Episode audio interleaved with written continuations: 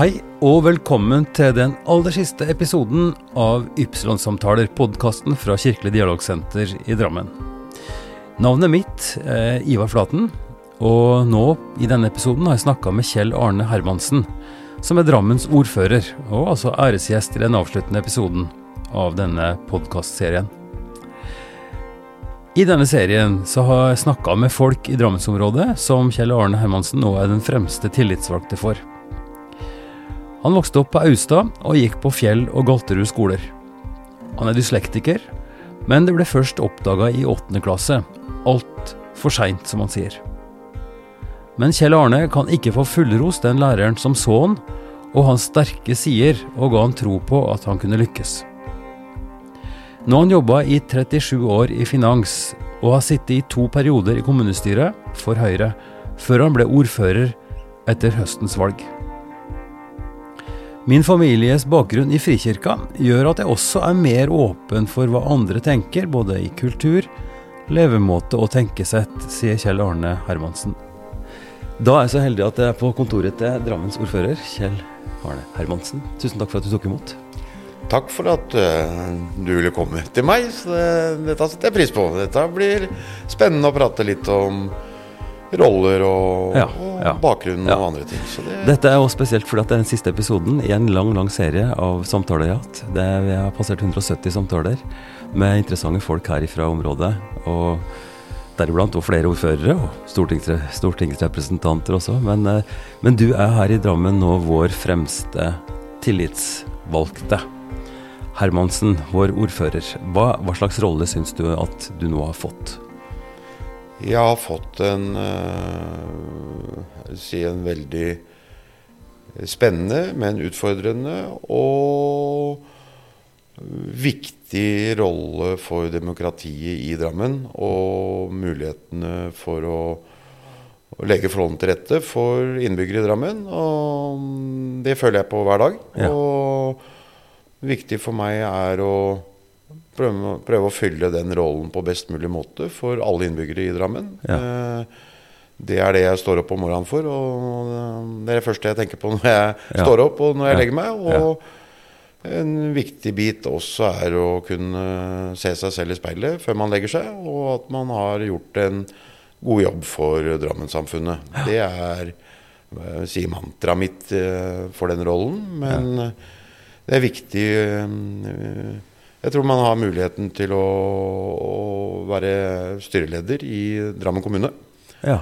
Eh, Styr, styreleder er et slags eh, skal vi si et nærmere begrep eh, i det som har vært yrkeslivet ditt, kanskje? Ja, det er nok hvordan jeg ser på rollen mellom politikere og administrasjon i kommunen. Mm. Vi har en formannskapsmodell i Drammen. Ja. Dvs. Si at det er politikere som er styret, altså mm. kommunestyret. Mm med 57 stykker. Jeg er leder av det kollegiumet på 57 kommunestyrerepresentanter. Ja. Og så har vi en administrasjon som er ledet av kommunedirektør eh, og hele den staben med 7500 ansatte som jobber i kommunen. Mm.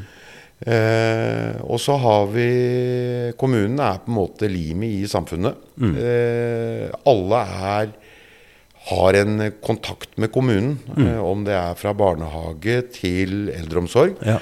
Eh, fra ja, før livet blir født, med jordmødre ja. til eh, ja, grav, svær, er, til gravferd. Så, det er en svær butikk. Så man er i en eller annen form som innbygger i Drammen eh, i kontakt med kommunen hele livet. Mm. Og da skal vi skape gode muligheter og velferd for alle i kommunen på best mulig måte.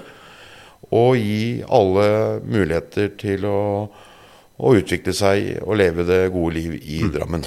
Så, så du, har blitt, du, har blitt, valgt. Du, du er nå leder og, og, tilsvalgt i Drammen. Du er som du sier, styreleder for, en, for et stort styre av folk som er med på å lede og drive Drammen kommune ved hjelp av denne kjempeflokken av fagfolk.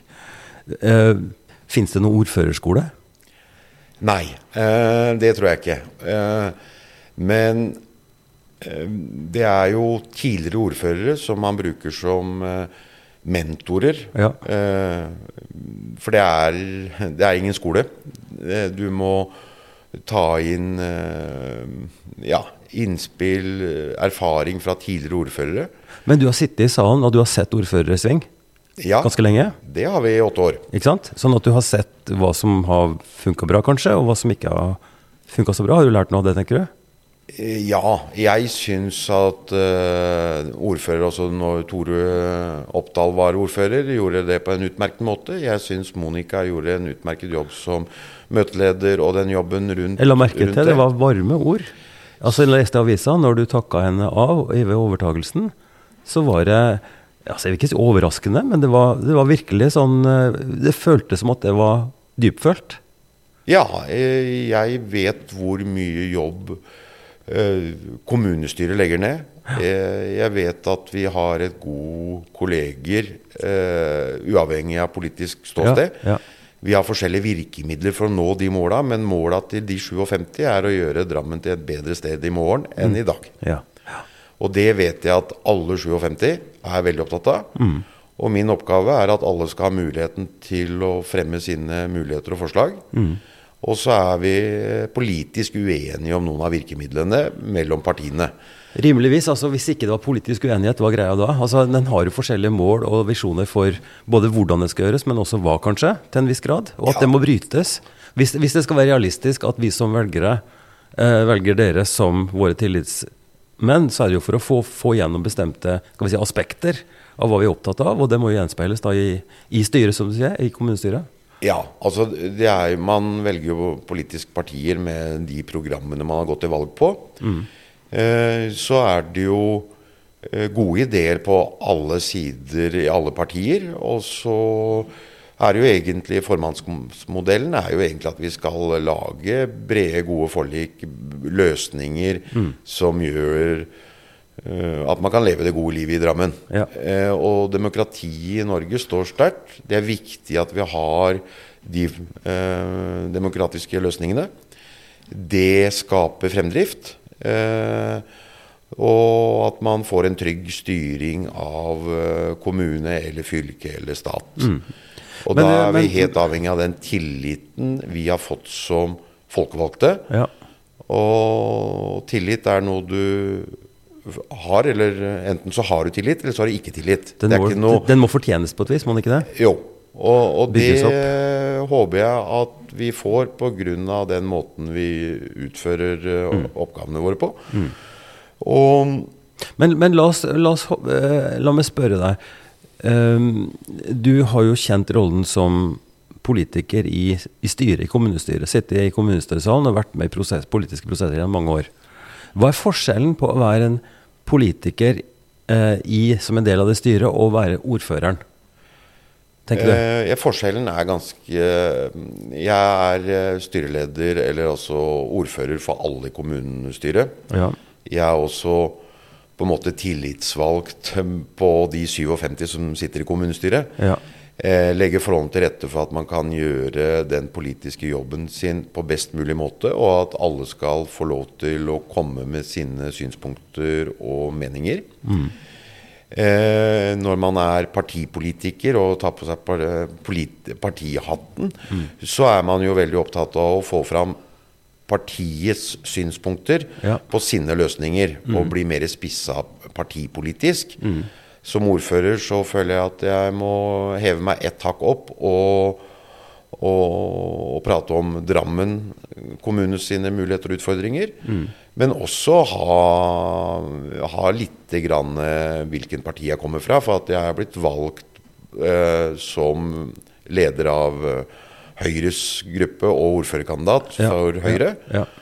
Så det er jo en forventning sikkert hos de innbyggerne og den tilliten vi har fått som parti, at, eh, at vi skal få til de løsningene som vi har i vårt program. Mm. eh, Men, men eh, Men, men det er en, det er en det er en rollefors- eh, rolle mellom det å være ordfører og rein partipolitisk Ja. talsmann. Ja. Så det, og det, sånn må det være hvis, en, hvis du skal oppfattes som min, som vår eh, tillitsvalgte. Altså Jeg har jo opplevd ordførere her gjennom ganske mange år, så fra frivillig sida. Jeg jobba med forskjellige prosjekter og sånn. Og har jo opplevd et veldig stort Altså en stor oppmerksomhet og en stor velvilje fra ordfører på å være til stede og representere, og kanskje komme med en liten tale, eller bi, bidra til å være synlig da, i, blant, folk, sånn, blant folk flest. For å, for å både vise til den linken som er mellom frivilligheten og kommunen, men også for å støtte opp. Altså en slags eh, velvilje og en slags eh, Ja, en slags, eh, skal vi si, en, ja, en, en talsperson, en, eh, en, en eh, Hva kalles det for noe? Ikke advokat, men i hvert fall en, person som i sin egen person representerer helheten. Ja. Eh, altså man er ordfører for hele kommunen, som jeg sa. Ja, ja. Man, eh, man må ut og på en måte ta det overordna bildet for Drammen. Mm.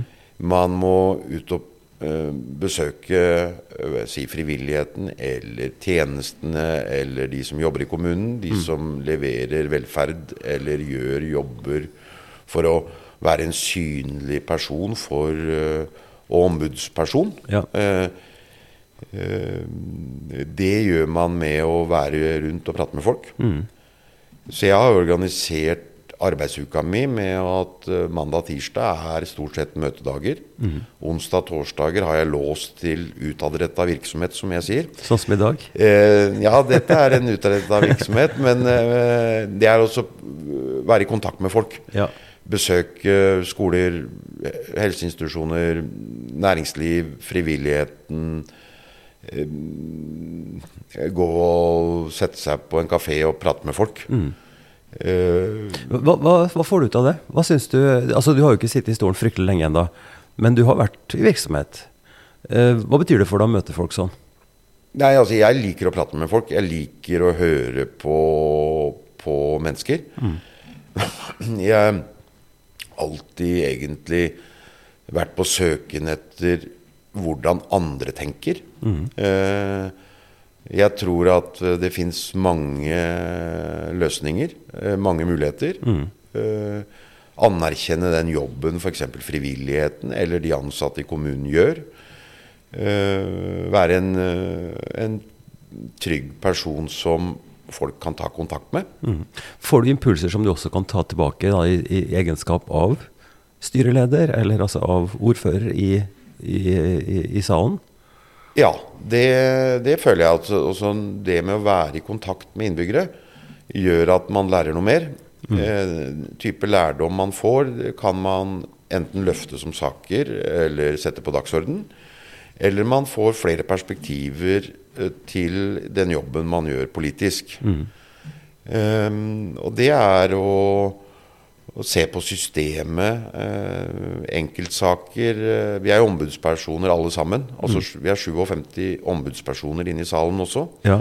Eh, ikke bare partipolitiske, men vi er ombudspersoner Så sånn for sett- eh, innbyggeren. Så sånn sett gjelder det også for eh, representantene at de også har den tillitspersonsfunksjonen, og dermed også har den kontakten utadrettet som betyr noe for pol- policy og for prosesser. Jeg mener, og det har man også hatt via folkevalgt opplæring, de som kommer inn i kommunestyret, får også en opplæring eh, på roller. Ja. Og vi har to roller. Vi har ombudsrollen, og vi har den politiske rollen. Og, og begge, begge deler er like viktig. Eh, Vi er eh, valgt for For, å representere representere for, forklar, meg, forklar meg forskjellen, litt sånn enkelt. Hva tenker du legger du i ombudsrollen i forhold til politikerrollen? Ombudsrollen er det å, å, å ta imot informasjon eller prate med folk, uavhengig av hvilken parti man egentlig stemmer på. Men vi som enkeltpersoner kan ta kontakt med politikere. eh, Få løfta eller få fram budskapet, og at vi bryr oss om enkeltindividet. Og så eh, må, er ikke vi saksbehandlere i kommunestyret. Vi, vi legger retningslinjer for administrasjonens måte å jobbe på. Så det hjelper på en ikke måte om, om jeg blir god kompis med deg og, og får mitt poeng godt igjennom, så kan du bare skru litt på hit og dit, så blir det sånn? Nei, det blir feil. Ja. Eh, for eh, det er ofte det er to sider av en sak. Ja. Men det er viktig at man får fram eh, utfordringer eller muligheter. Eh, og at man kan rettlede hvilken retning man kan sende den bekymringa, hvis det er en bekymring, eller en Mm. Ja. god idé, Ja. til riktig sted, slik at den blir tatt med i videre arbeid. Mm. Det er ombudsrollen eh, og fasilitator for å legge forholdene til rette for at vi får en medvirkning i det politiske arbeidet. Eh, en god venn av meg eh, tok kontakt fordi han eh, er en av disse som sitter i styret i kommunen, kommunestyret, og jobber med mangfold. Har fått et ansvar der. Eh, og, og jeg vet også at du er engasjert i det. Det som er Høyres eh, mangfoldsutvalg, dere kaller det, ikke sant? Ja, Det er jo, og det er jo et eksempel på en slags Da snakker vi en politisk eller en type ideologisk eller en praktisk rolle som er noe Eller er det en blanding av både ombud og politikere der også? en, når vi tar akkurat mangfoldsutvalget til Høyre, så er det en politisk bit. Det Ja. har noe med type eh, at Høyre skal ha best mulig mangfold i sitt eh, tillitsmannsapparat. Ja, Vi rekrutterer mennesker. Ja. Vi er ute og prater om våre løsninger. Eh, eh, komme på riktig sted og nå nye velgergrupper, da. Ja. Eh, og vi har jo en lav valgdeltakelse i Norge nå. Eh, begynner å komme ned på et nivå som jeg ikke helt liker. Eh, derfor er det viktig for Høyre å få mangfold og flere til å stemme. Da må vi eh, komme ut og snakke med nye velgergrupper som kanskje ikke benytter seg av øh, stemmeretten sin. Mm. Og dette må jo være et, et, et fellespolitisk anliggende. Det er jo tragisk hvis det er slik at folk mener at ikke det er viktig, eller tenker at det er, ja, det er ikke noe poeng i å, å velge. Altså hvor, er, hvor går demokratiet vårt da? Hvis vi ikke lar stemma vår bli hørt? jeg mener at det er et, et ansvar hos alle politikere. Eh, også kanskje skolevesenet, for å drive med demokratiopplæring, utvikling. Ja. Eh, hvordan gjøre folk interessert i Mm. politikk. Eh, Politikk er jo egentlig det livet du lever. Mm. Eh, politikk er ikke noe fjernt. Det er eh, faktisk åpningstider på Utbyggertorget. Det er åpningstider i skolen. Løsninger for, i SFO eller på eldreomsorg. el- Det er politikk. Mm. Det som er viktig, er jo på en måte få ut det budskapet til flest mulig. Og at det, det nytter å bry seg. Det nytter å rekke opp handa. Mm. Vi, eh, I Drammen så har vi jo en ganske stor andel med en annen etnisk bakgrunn. Da er det viktig at vi som parti da, eh, er ute og formidler hva vi står for, og, og, og rekrutterer flere med minoritetsbakgrunn inn i partiet. Eh, Derfor har vi mangfoldsutvalget, eller mm, utvalget. Ja, ja. Um, så det, det Og så har vi jo på en måte den ombudsrollen, eller kommunen jobber også selvfølgelig med det med valgdeltakelse, legger forholdene til rette, medvirkning um, i en eller annen form. Ja. Men, men eh, partiene har også et ansvar for å gjøre den jobben. Og Derfor er det en satsing i Høyre at vi har et egen mangfoldsutvalg for å ja, eh, få opp eh, interessen for politikk, rekruttere nye folk. Men la oss, eh, la oss ta et langt steg tilbake igjen. Hva, eh, hva med din bakgrunn? Altså Alle mennesker er jo forskjellige og har sin oppvekst og sin påvirkning og blir sånn som de blir fordi de har en familie og, og sånn. Si litt om, om oppveksten din, eh, Kjell Arne. Ja, jeg vokste opp eh, eh, på Galterud. Eller Ja. først i Aasvei på Austad, så på Ja. Galterud. Ja. Jeg gikk på Fjell skole, Galterud skole.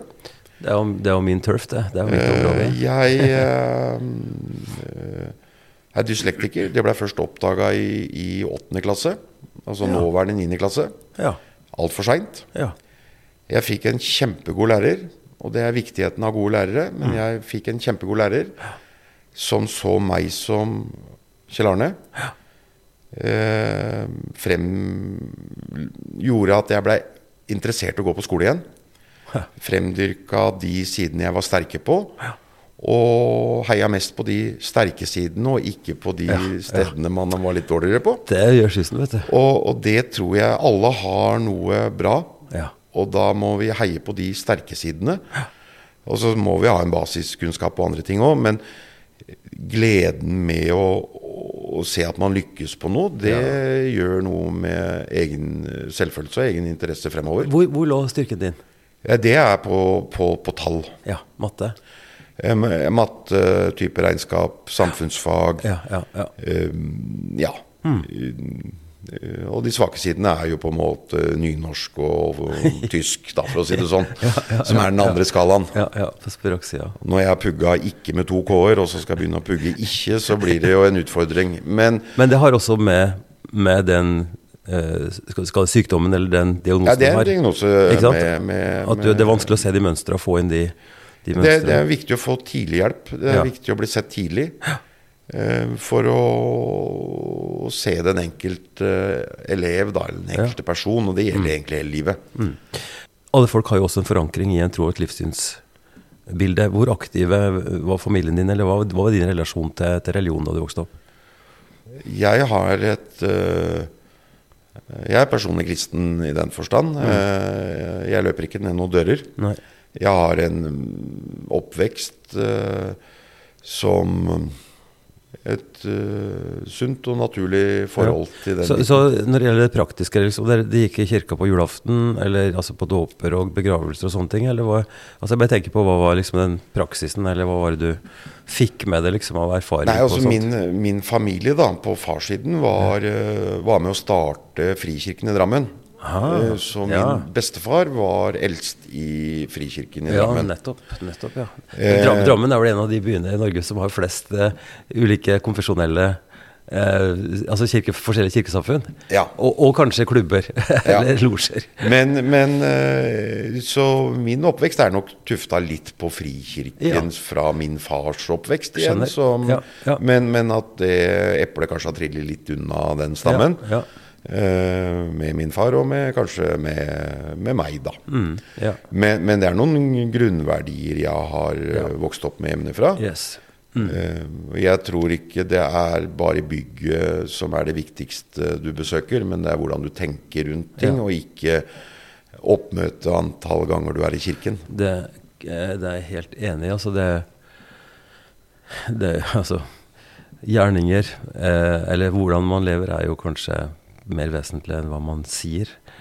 Eh, så kan en ha forskjellig mening om hvor viktig disse fellesskapene er. Eh, og jeg pleier å si eh, Jeg er jo prest, som du vet, og, og, og noe av det viktigste som skjer Det er kanskje litt flåsete, men, men det er jo det presten sier når folk skal gå.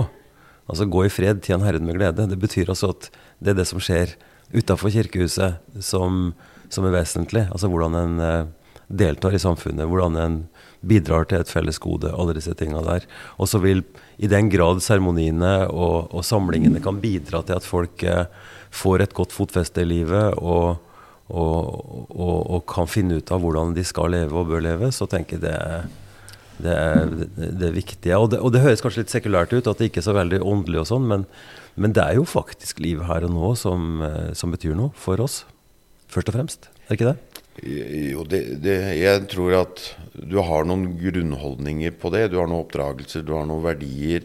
Eh, og hvordan du føler deg hjemme forskjellige steder på det. Men jeg tror det er viktig å ha noen grunnsteiner eh, som er viktig for meg. Og, og det prøver jeg å følge opp i det daglige.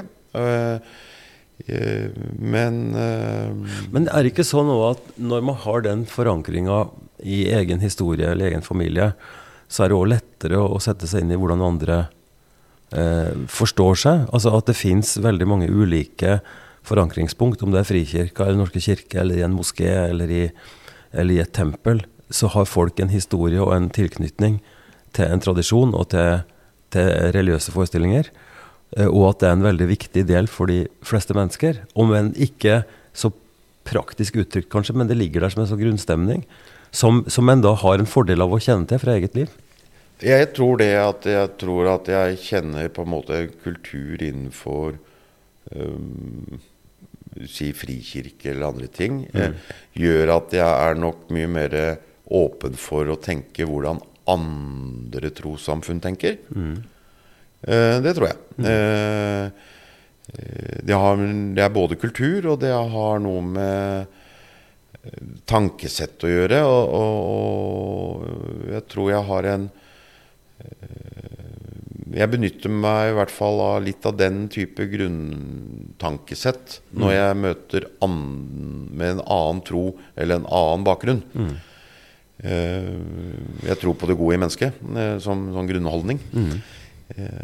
så må vi kjempe mot de som har andre andre ja. Altså, det er jo andre ting, da. Ja. Som, øh, men, men øh, jeg tror det med å være åpen og lære å behandle folk øh, som dem de er, Men det, men det, er to, det, det er to ting i dette her.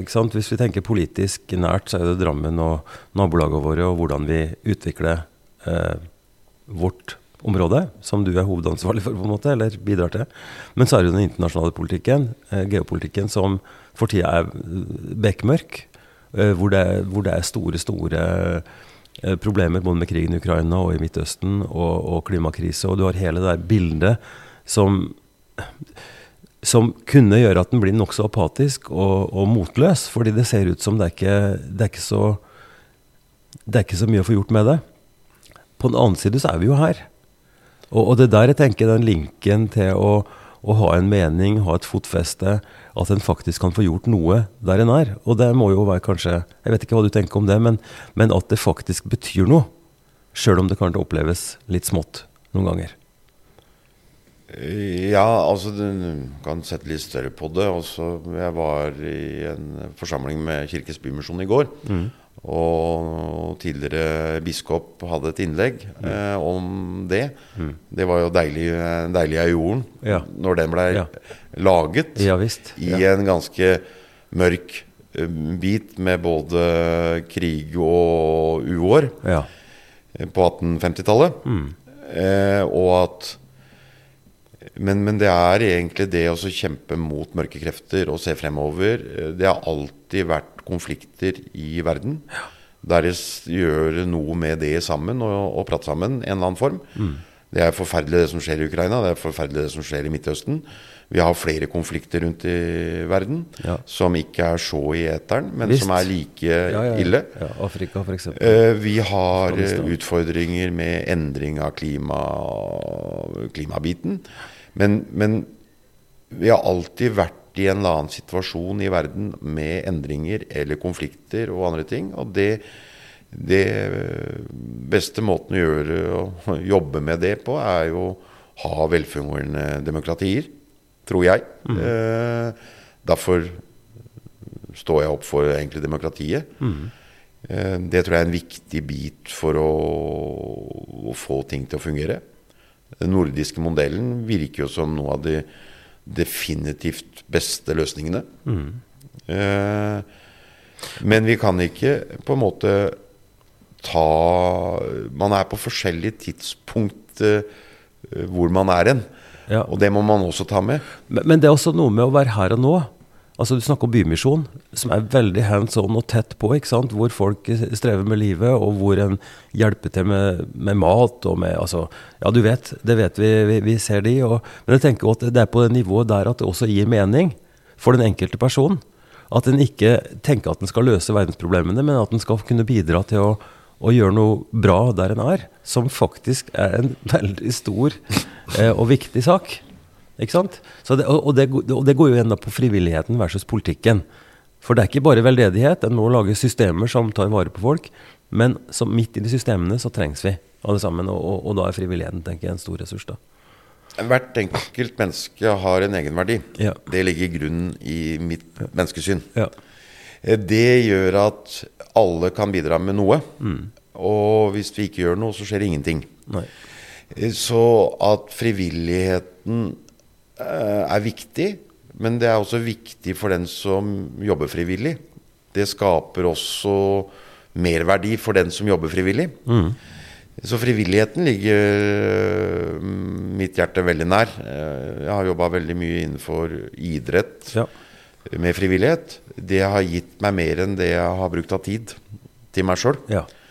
Er ikke det rart? Altså At du får faktisk mer tilbake enn det du investerer. Du har jobba Det er Konnerud, idrettslaget der du har vært med aktiv? Mye? Det er jo i- via barne- og ungdomsarbeid på Ja, Konnerud ja. med, med å være fotballtrener, bandytrener Ja. for egen sønn. Og sitte i styret for å legge forholdene til rette for flere. Og si, jobbe med anleggsutvikling. Ja. for at man har et sted å drive den idretten. Eh, og jeg jobber frivillig nå i, i Viken idrettskrets eh, innenfor anleggsutvalget der, for å kunne bruke noe av kompetansen jeg har både politisk og fra Konrad idrettslag, inn i, i en uh, større setning for å gjøre en jobb for Ja. i den delen av frivilligheten. Ok, da, da er det på tide å ta et, eh, et, et nytt sidespor eller en ny retning. Fordi din fagkompetanse, du snakka jo om Galterud og læreren som så det, og din sans for tall og, og matematikk og sånn. Du har hatt en lang, eh, en lang erfaring, et langt yrkesliv innenfor finans. Eh, og det er nok en sektor som meg sjøl innbefatta ikke så veldig mange vet så mye om. Hva, hva er greia med finans, eh, Kjørne? Eh, ja, jeg kan ta litt Ja, vi kan ta finansbiten nå. Altså, jeg har jobba som aksjemegler eller innenfor finans i 37 år. Eh,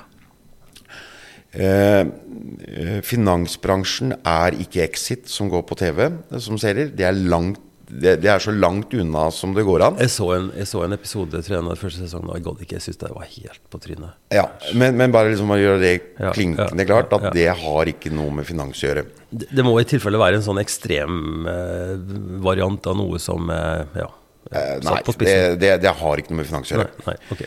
Eh, finansbransjen sysselsetter ganske mye mennesker. Ja. Eh, Det er hardtarbeidende folk som kommer på jobben og gjør jobben sin på en god måte. Det er definert som en samfunnskritisk næring i Norge. Mm. Alle vi i Norge som har pensjon, investerer på børser. ja.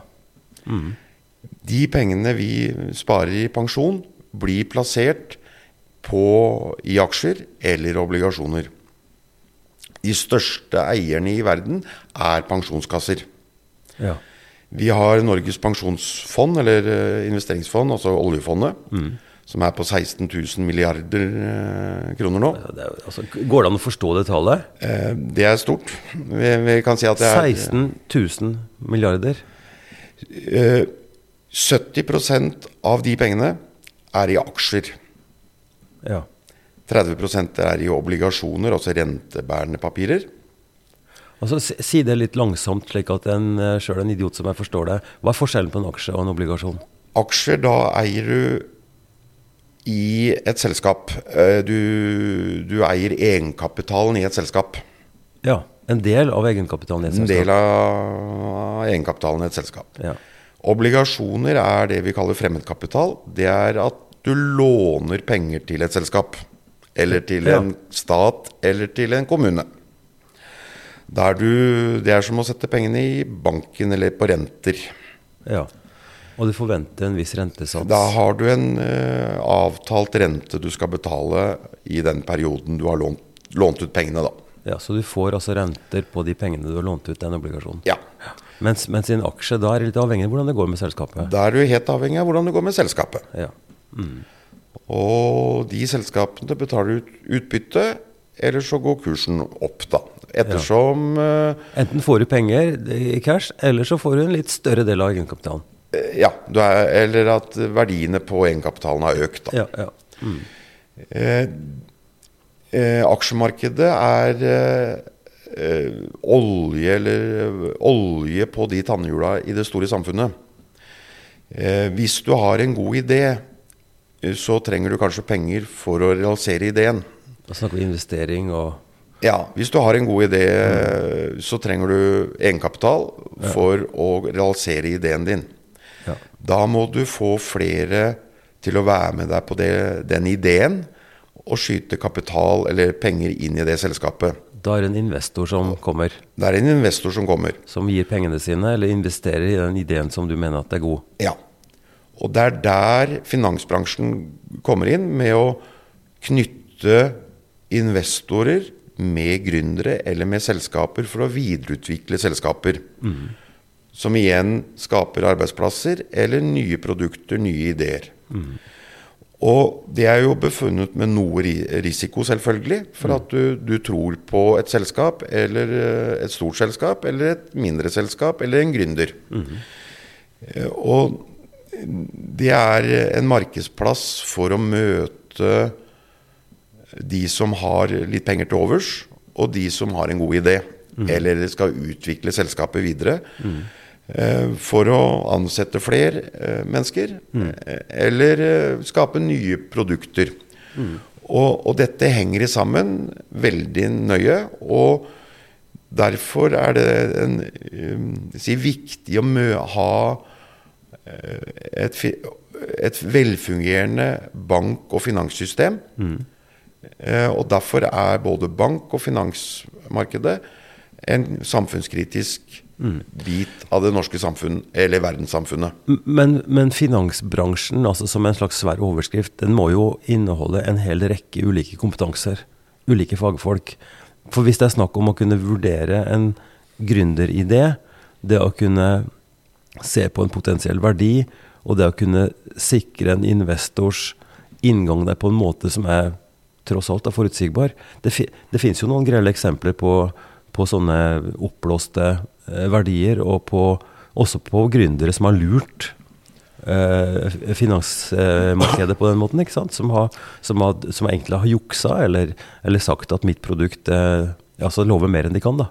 Så det må, det må jo være forskjellige slags eh, kompetanser inni der. Hvor, hvor, hvor står du hen i det bildet? Hva var din kompetanse spesielt? Eh, Min sånn overordna kompetanse er nok på detaljhandel. Ja. men overordna på økonomibiten. Eh, og eh, ja, få folk til å snakke sammen. Ja. Det er jo eh, noen som vil eh, ha en høy pris på produktet sitt, og noen som vil kjøpe seg billig inn. Men du må finne det felles eh, hvor man er enige om ting. Men, men det er alltid dessverre noen som ikke følger lover og regler, eller har en veldig tro på sitt produkt som ikke Som ikke, lykkes. som ikke er helt realistisk, kanskje? Men ikke er type svindel, men eh, det produktet blei det ikke noe av. Og vi trenger investorer som tror på litt spennende produkter eh, for å få utvikling. Og hvis du lykkes da, så eh, skal man eh, få god avkastning på at man har tatt høy risiko. Men, men hovedinvesteringene er de store selskapene i verden. Det er pensjonskasser, stater, som er hovedeiere i, stort sett. Så det er deg og meg. Eh, så har du vi veldig strenge regler eh, med, eh, som er blitt utvikla over tid. Og hver gang vi har en eller annen type skandale et eller annet sted innenfor finansmarkedet, så blir reglene stramma til ytterligere for at det ikke skal gjenta seg. Eh, eh, for min del så er, er man jo oppe til eksamen en gang i året. Man har strenge regler eh, med å klassifisere kunder. Altså, eh, Forklar det. Hva er den eksamen? Eh, Sånn at vi skal beskytte Med regelverket skal vi beskytte private mot finansmarkedet. Ja. Du må kunne klassifiseres som at du er kompetent til å ta investeringer. ja. Eller gi råd til uprofesjonelle. Altså så, Som er holdbare, og som er etiske, og som Ja. gir altså, Så- Som du sier, et slags vern da, for Ja, den som ikke så det er, det, er- det er strenge regler Ja. for hvordan finansinstitusjoner Men skjer det en gang i året, sier du? Nei, de reglene er jo hver dag. Ja, men men altså men det- vi må opp til eksamen en gang i året for å vite at vi er oppdatert på Ja. alle regler, Ja. kunnskap, og bekrefte at vi veit hva vi driver med. Faktisk som en eksamen? Ja. Ja. Og hvis vi ikke eh, tar de eksamen eller gjør det, så mister vi muligheten til å drive den virksomheten. ja. Rett og slett. Og så er det jo veldig bra med kontroll. Eh, kontroll, altså med kredittilsyn. Eh, meglerbransjen har egne kvalitetssikringer. Vi har egne avdelinger i eh, alle, eh, alle meglerfirmaer, eller i bank, som går på regler for hvitvasking. mm. Regler for oppfølging av hvitvasking. Eh, Vi har strenge krav på compliance, altså at vi gjør ting etter lover og regler. I tråd med det som faktisk er reglementet. Ja. Eh, jeg som megler, eh, alle mine telefoner er lydbåndopptak som kan bli levert til eh, tilsyn når Ja. som helst. Eh, Du verden. Ja. eh, både på stikkprøvekontroll og andre ting. Mailer, alt skal dokumenteres. Som gjør at det er veldig måte, en sikker, sikkerhet rundt dette. Men, men dette er jo da òg et, et resultat av at det har vært bastante misbruk. Altså at det er, en, det er et sted hvor, hvor det er store penger i sving. Og, og vi har jo dramatiske eksempler tilbake i 2008 f.eks. Med amerikanske markedet ramla sammen. For en type Det kalles finansielle instrumenter, har jeg sett.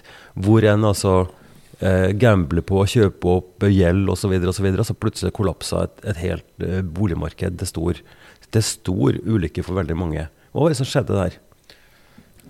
Ja, altså Det som skjedde der, er at man Dette, er- dette er innvikla, det skjønner jeg, men for, ta det for dummies. Jeg prøver. Bankene hadde altfor liten egenkapital. Når det begynte å skli, så hadde de ikke nok egenkapital til å ta de tapene. Eh, og så blir det et tilbud av mye boliger ute på markedet. Så faller prisen. Ja. Og når det er eh, risikoen eh, Det er ikke nok eh, Banker og finansinstitusjoner hadde ikke nok egenkapital til å eh, tåle den nedturen. Og så hadde man bygd opp finansielle instrumenter og, og klassifisert dem på feil måte. Så risikoen sto ikke i forhold til hvilken klassifisering de produktene hadde. de de gambla for høyt, rett og slett. Ja. En slags pyramide, på en måte. Hvor Nei, noen, ikke- ikke pyramide. Ikke, pyramide men det, det var noen som, som allikevel kom ut av den der greia med ganske stor gevinst, mens eh, Kall det vanlige folk, da mista husa sine, rett og slett. Altså, Du får Eh, ja. bare unnskylde min enkle framstilling, men, men, eh, men, men, eh, men det er derfor man har hatt regler. Vi hadde jo den ordentlige nedturen i 87 til 92 i Norge, med Ja. høy inflasjon, høye renter, Ja, kraft, det. kraftige boligprisfall. Arbeidsløsheten gikk kraftig opp. ja. Eh, Der gjorde vi nok en, eh, noen feil på den tiden. Mm. De feilene er på en måte retta opp i nye lover og regler. Økte krav til egenkapital i bankene. Ja. Hvor mye man får låne. Mm. Eh, slik at man ikke skal komme i en sånn situasjon. Mm. Og så er vi kanskje nå i eh, Og dette er jo litt historie og sånt, og jeg vet ikke vi skal gå Jeg tror ikke vi skal gå mer inn i det tekno, teknologiske her, men, men at vi nå er i en situasjon igjen hvor rentene går opp, og hvor krona er svakere, og hvor mange eh, Vi snakker om dyrtid, f.eks. Jeg vet ikke hvor legitimt det er, men, men at, at det er en periode nå hvor, hvor det er tøffere. Og at det også har noe med kronekurs og rentemarked og sånt å gjøre. Eh, Ja, alt henger sammen med alt eh, på en måte innenfor finans eller Mm. eh, det eh, bildet på verdensøkonomien og andre ting. Vi har en kraftig økning av inflasjon. Mm. Som er at ting blir dyrere. Mm. Eh, og så går lønninger opp for å kompensere for det. Og de som står utenfor marked, eller eh, arbeidsmarkedet da, vil jo tape på en sånn kraftig inflasjonsøkning. De som er i jobb, vil stort sett kompenseres for inflasjonsøkningen. Vi har hatt en eh, 20 år nå med at vi har hatt lav inflasjon, for at vi har kjøpt mye fra lavkostland. Eh, Nå er det litt mer at vi skal produsere mer lokalt, både i Europa, i USA, og i Norge. Man ønsker mer trygghet for leveranser, som gjør at ting blir dyrere. Istedenfor at vi hele tida leiter etter å finne billigere produkter, så må vi produsere dem nærmere. Som gjør at inflasjonen kommer opp, eller prisene går opp. Vi har hatt uroen i Ukraina som gjør at både eh, råvarepriser, altså på stål, sement Ja energi energi har blitt eh, vanskeligere og dyrere. Og summen av alt dette gjør at det blir en inflasjon. Og så Norges Banks oppgave er å holde inflasjonen lav, og de setter opp renten for å holde inflasjon, eller motarbeide inflasjonsøkning. Og deres Dems mandat er jo å jobbe mot inflasjon. Og dette skjer jo i hele verden, det er ikke bare i Norge.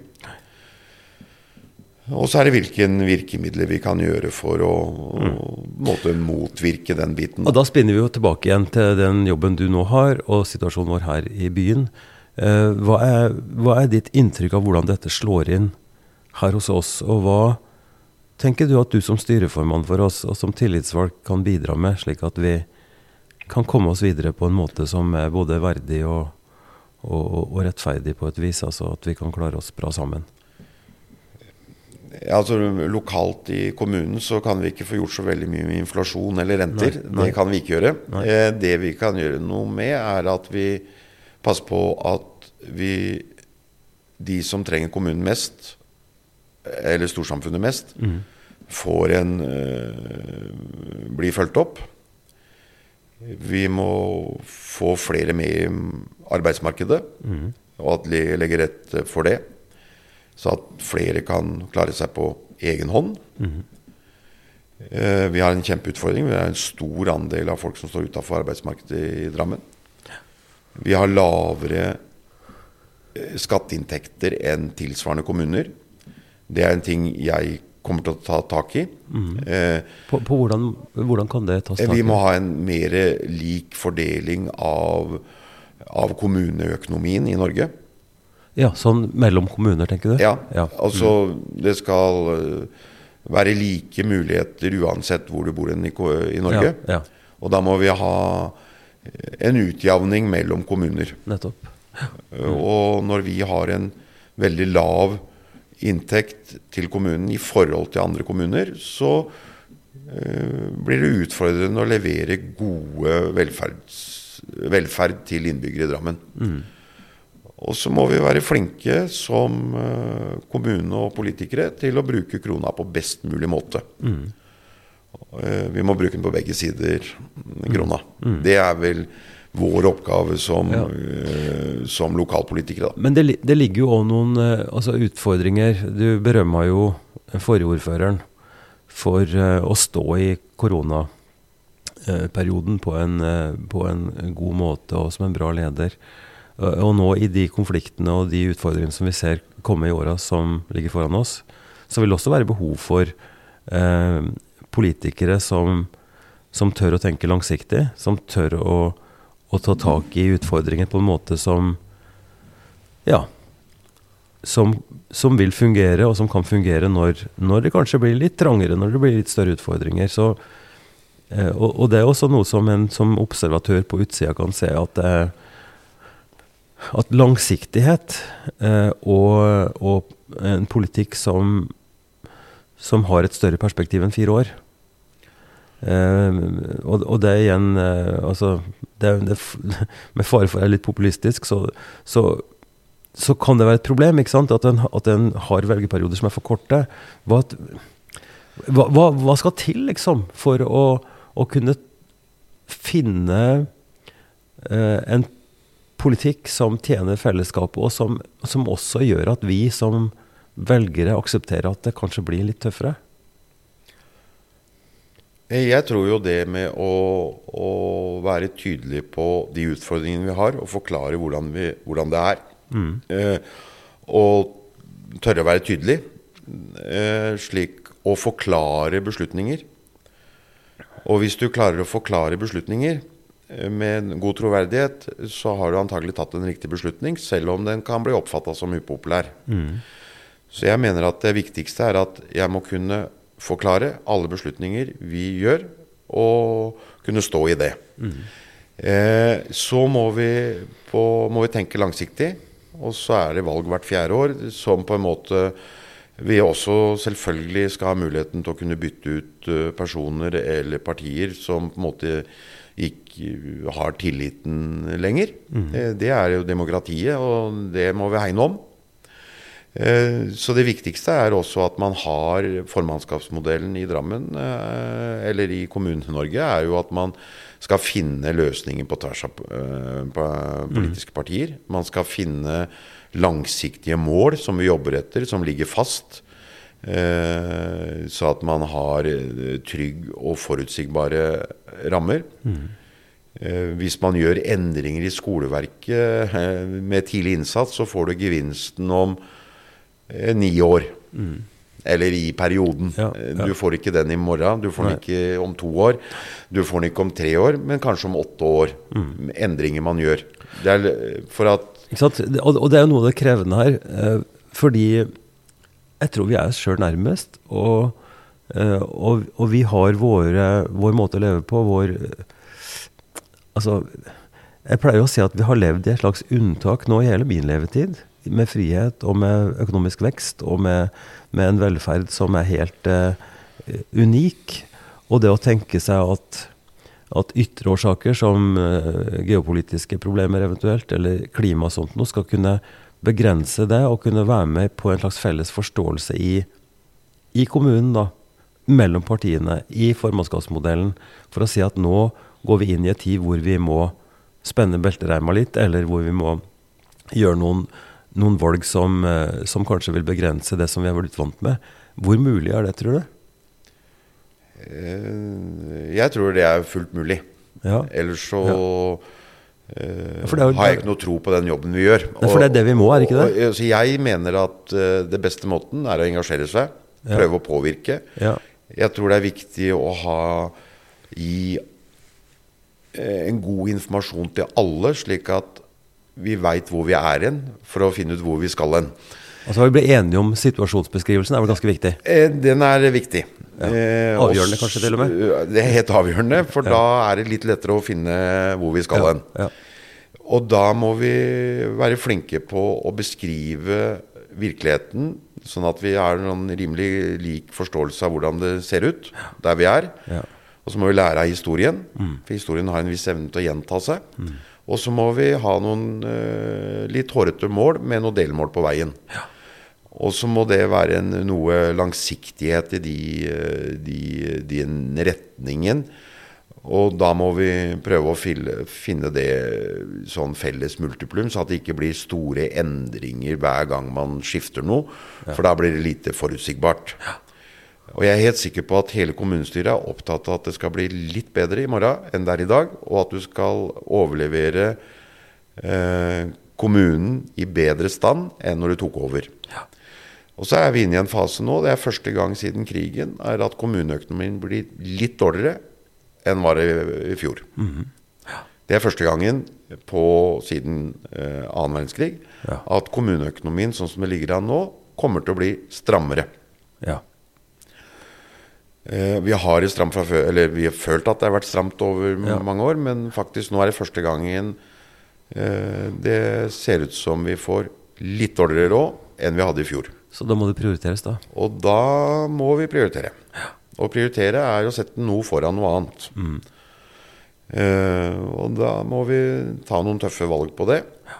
Og så Sånn som i Drammen, så tror jeg vi må se på struktur og ikke så mye på å tro at noen kan løpe fortere. Nei. for det har vi vært ganske flinke til, å prøve ja. å, å, drive effektivt. Mm. Nå må vi kanskje se på strukturen av hvordan vi driver kommunen. Ja. Ja. Eh, og jeg tror det er muligheter å få til det. Eh, og det er jeg helt sikker på at vi skal få til. Mm.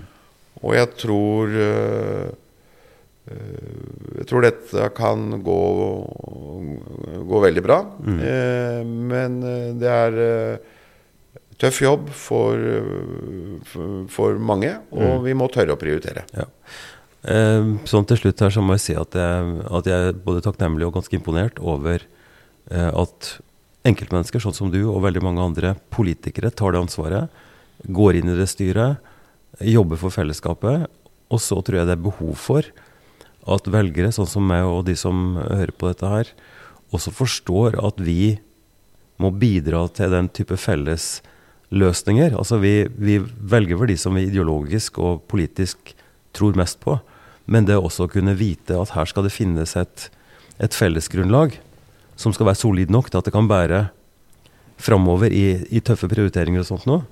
Eh, så det vil jeg egentlig ønske lykke til med, og også tenke at eh, de historiene som, som, jeg har bidratt med gjennom denne lange serien, med 170 samtaler, viser jo enkeltmennesker i Drammen som på forskjellig måte både har bidratt i fellesskapet, men også som har sine bakgrunner og ideer og tanker om hvordan et godt liv skal være.